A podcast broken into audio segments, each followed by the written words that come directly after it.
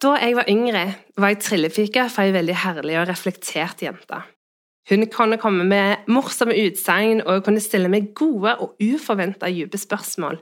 Og jeg husker at jeg ikke var ei stor jente den ene dagen vi trilla rundt i nabolaget, og hun spurte meg, helt ut av det blå, Erika, hvorfor må vi egentlig lye? Ja, det hun spurte om, var hvorfor må vi egentlig være lydige? Tenk at en fire år gammel jente hadde fundert på dette spørsmålet. Noen ganger skulle jeg ønske at jeg huska hva jeg svarte henne, fordi jeg kan bare ikke tro at jeg klarte å matche det gode spørsmålet med et like godt svar. Dette er et spørsmål som jeg har tatt med meg videre i livet, og et spørsmål jeg vil stille videre til deg. Hvorfor skal en være lydig? Og kanskje aller mest i denne sammenhengen, hvorfor skal en leve i lydighet til Gud og det han sier i sitt ord? Mange ganger når jeg hører ordet lydighet, forbinder jeg det med noe som er litt sånn strengt, kjipt og begrensende. Og sånn har det av og til vært i mitt forhold til Gud òg. At en kan, når en skal leve i lydighet til Gud, så må en leve i en slags blind lydighet som ikke tar hensyn til hvem jeg er, eller at livet må snus opp ned, og at en må leve helt sånn grensesprengende radikalt og nesten litt sånn svevende og atskilt fra verden. Og dette er noe jeg av og til har tenkt virker litt skummelt og litt vanskelig å forholde meg til. At det ikke er noe jeg får til, liksom. Men for ikke mange uker siden så lærte jeg noe nytt om ordet lydighet. Nemlig at ordet lydighet kommer av samme rot som ordet å lytte. At det å leve i lydighet kan være det samme som å leve et liv i lydhørhet. Og da fikk plutselig ord og mening en helt annen sjargong og betydning å leve og være lydhør. Å lytte seg inn og forstå og ønske hva noen har å si, og handle på det.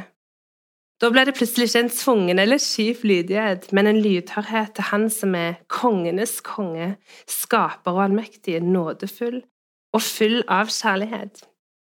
Søster Maria, nonne med Katarina hjemme i Oslo, uttrykker seg sånn her om lydighet. Lydighet forutsetter tillit til Guds kjærlighet, at Han vil det beste for en. Det forutsetter tillit til Guds kjærlighet. Det vil ikke si at Maria sier at det alltid vil bli best mulig i menneskers øyne, men at det er best for meg i Guds øyne, Hans milde og gode øyne. Lydighet handler da om å velge å lytte i tillit og gjøre det en hører. Man velger å leve lydhør til Gud.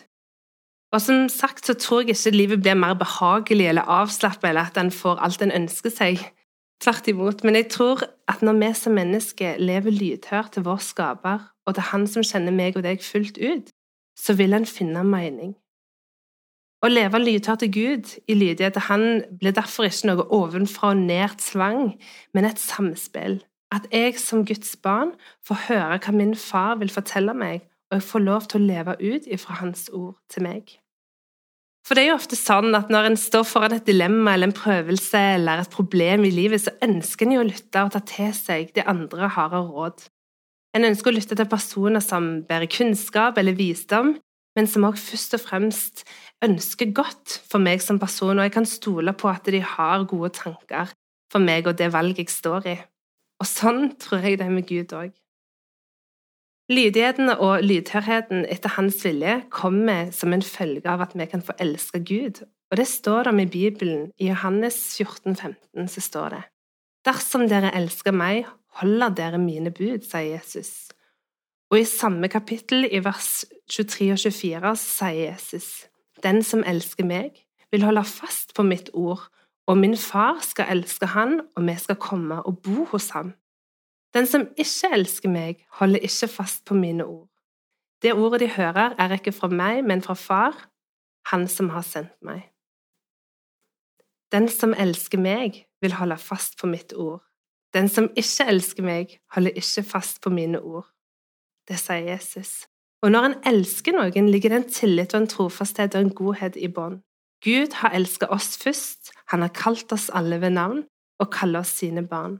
Og når vi får kjenne Han og elske Han, så holder vi Hans bud og holder oss tett til Hans ord og er lydhøre til det. Så for å ta opp spørsmålet som denne lille jenta spurte meg når jeg var trillepike, hvorfor må vi egentlig være lydige? Og jeg tror mye av nøkkelen til det å leve i lydighet til Gud handler om nettopp disse tingene her, og det søster Maria sa. At det handler om å ha en tillit til at Gud vil det beste for en, og at en er til å stole på. Og i kjærlighet til vår himmelske Far så holder vi Hans bud. For når vi har det som utgangspunkt, så vil det ikke oppleves som en tvungen lydighet, men som et liv i lydhørhet, som lever til frihet, og et liv med mening og retning. Takk, gode Gud, for at du vil det beste for oss. Hjelp oss til å leve tett på ditt ord til oss i dag. Amen. Det var Erika Vestre som delte Guds ord med oss i dag i serien Over en åpen bibel. Norea har produsert andakter for radio siden 1956 fordi vi ønsker å styrke kristne i deres tro ved å løfte fram Bibelen som Guds ord.